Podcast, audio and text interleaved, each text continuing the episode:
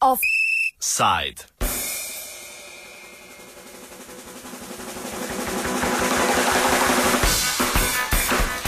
Evropska komisija je izdala poročilo o stanju 134 delujočih jedrskih reaktorjev v 14 članicah Evropske unije.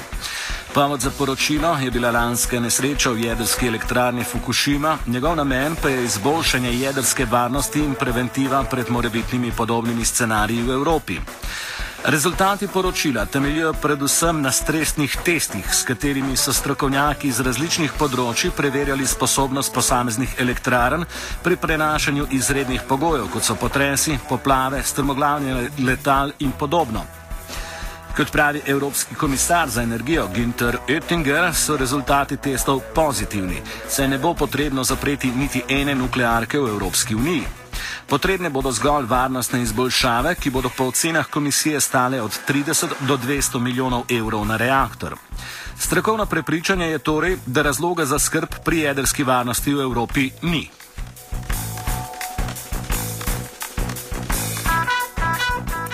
Govorili smo s profesorjem Leonom Cizljem iz inštituta Jožef Štefan, ki nam je povedal več o delovanju jedrske elektrarne. Jedrske elektrarne so eh, ena izmed oblik termoelektrarn in delujejo na zelo podoben način. Eh, jedrska elektrarna v Krškem, podobno kot termoelektrarna v Šoštanju, proizvaja najprej paro in ta para z, v turbinah eh, poganja eh, parne turbine in eh, z njimi električne generatorje.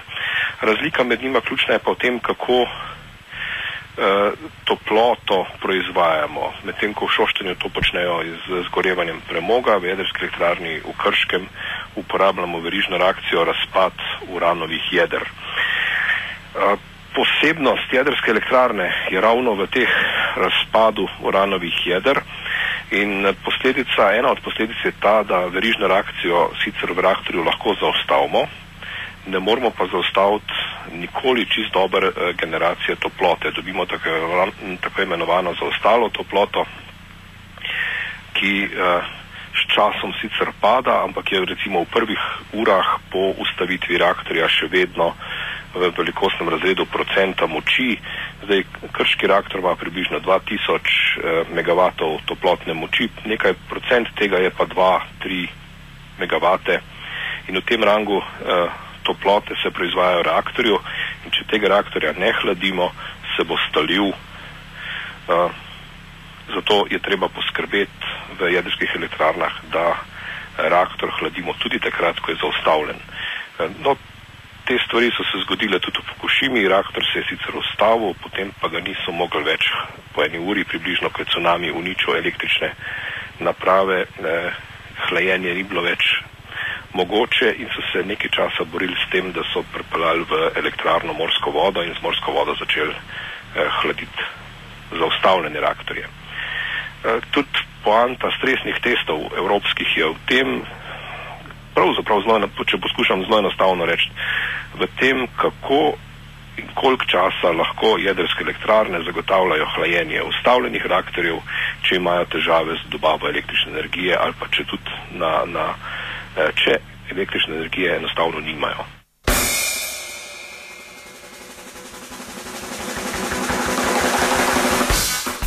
Osnovne težave jedrske energije, ki sicer povsem ustrezno skrbi za potrebo človeštva po energiji, so po nekem splošnem prepričanju odpadki in eventualne nesreče.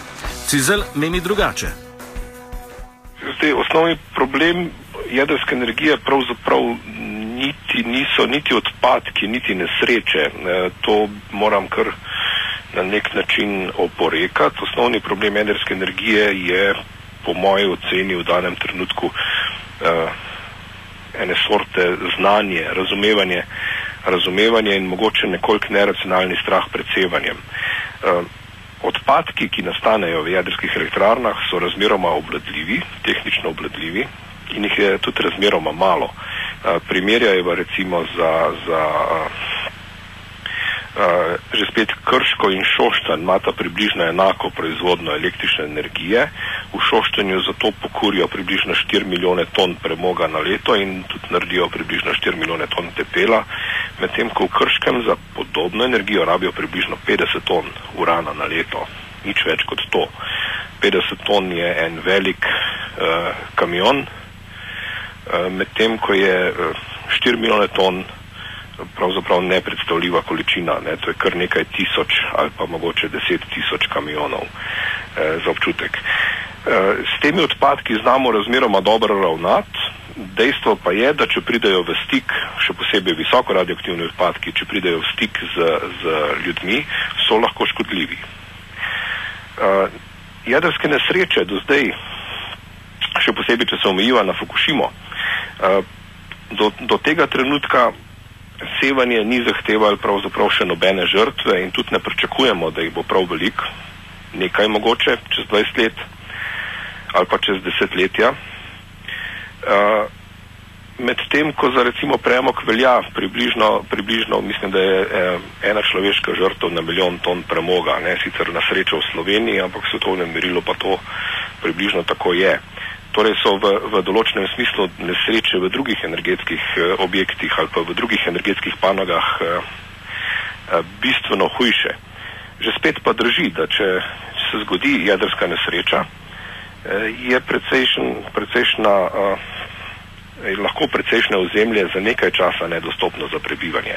Pa tudi tu povejva, da v okolici Fukushime že naseljujejo prebivalce eh, na področja, kjer, kjer je bila izvedena evakuacija. Ne sicer na celotno področje, ampak na tisto z, z dovolj nizkim sevanjem pa že.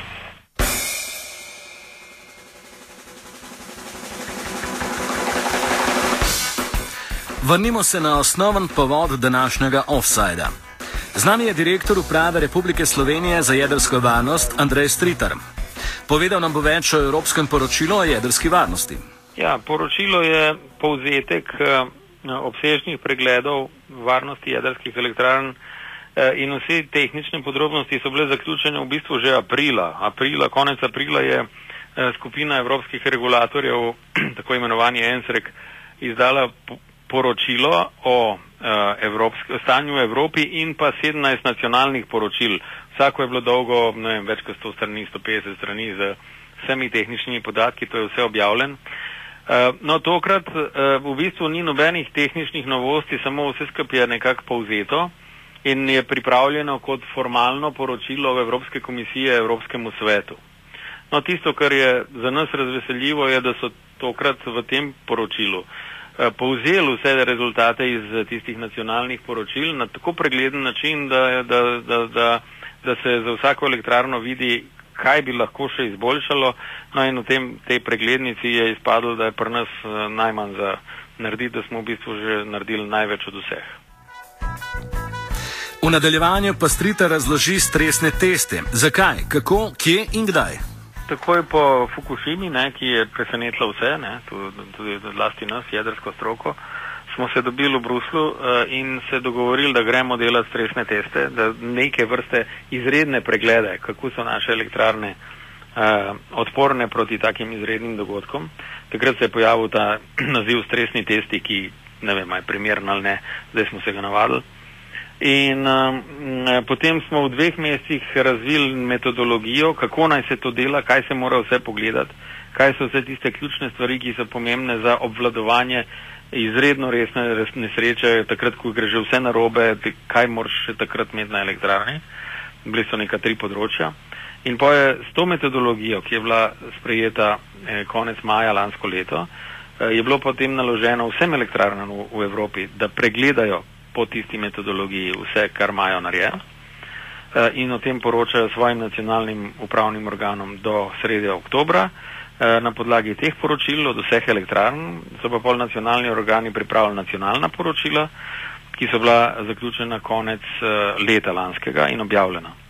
Po tistem je potekalo pa pregledovanje do konca aprila in pa za, in po tistem so bili potegnjeni skupni zaključki, eh, ki so zbrani v tem poročilu konec aprila in zdaj po let smo delali pa na pripravi akcijskega načrta, kaj pa zdaj potem, In zdaj le, ravno zdaj poteka priprava na nacionalnem nivoju v vsaki državi.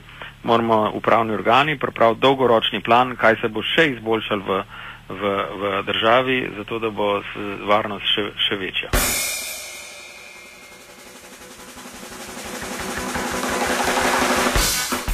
Ko govorimo o jedrski energiji, je stroka prepričana, da sta natančnost in ustrezno znanje o tem, kar delaš, zadostna faktorja pri varni uporabi lete. Govori profesor Cizel. Ja, po mojem prepričanju zagotovo. E, zraven pa vedno rad rečem, še posebej v zadnjem času, da se je pa treba z jedrsko energijo primerno ukvarjati. To je zahtevna tehnologija, še posebej varnostni del te tehnologije je zahteven in v to energijo, v, v to tehnologijo in v ljudi, ki za njo upravljajo, je potrebno vlagati um, precejšne, precejšne uh, napore in poskrbeti, da imajo dovolj znanja. Uh, v jedrski, uh, jedrski tehniki imamo en poseben izraz za okolje, v katerem varnost uspeva, temu pravimo varnostna kultura in za varnostno kulturo veljajo zelo enostavna pravila. E, takrat, ko smo za vsem zadovoljni, ni pravzaprav nobenega motiva za spremembe in če ni nobenega motiva za spremembe, tudi ne bo napredka. In takšnim razmeram pravimo a, zadovoljstvo in to je začetek konca varnostne kulture. E, skratka, v, v, za varno rabo jedrske energije se je treba z njo vse čas ukvarjati, vse čas si prizadevati, da postajamo boljši in da v njej vemo več. E, je pa res, da v današnjih družbenih razmerah je to vedno težje, e, zato ker je vedno manj mladih zainteresiranih za tehniko, za naravoslovje, zato recimo, ker se lahko v drugih poklicih mogoče bistveno boljš, bolje in lažje zasluži in ne nazadnje tudi zato, ker je jedrska energija tudi zaradi tega, kot so že omenila, neracionalnega strahu eh, pred sevanjem, ki ga ne moremo čutiti in nas dejansko lahko poškoduje, eh, nekako stigmatizirana. Hkrati pa se ponavadi ne zavedamo, da je tudi, termo, da je tudi geotermalna energija posledica jedrske energije in da smo osevanjem izpostavljeni praktično vsakodnevno v medicinskih preiskavah.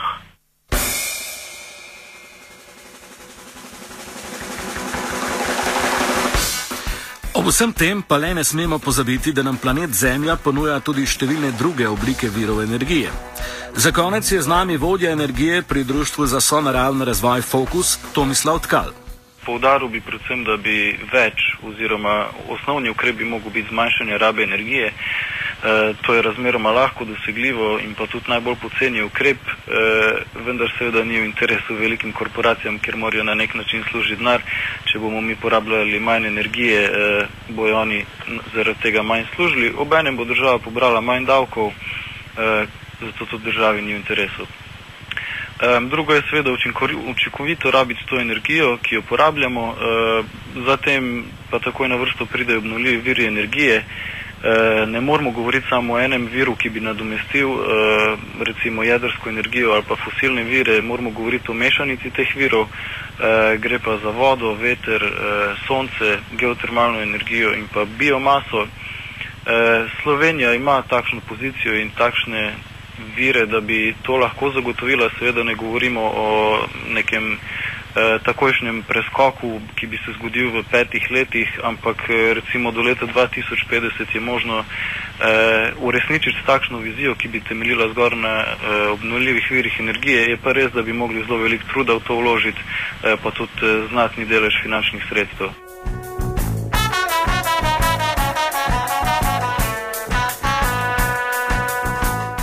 Offset je pripravil Marko Krašovc.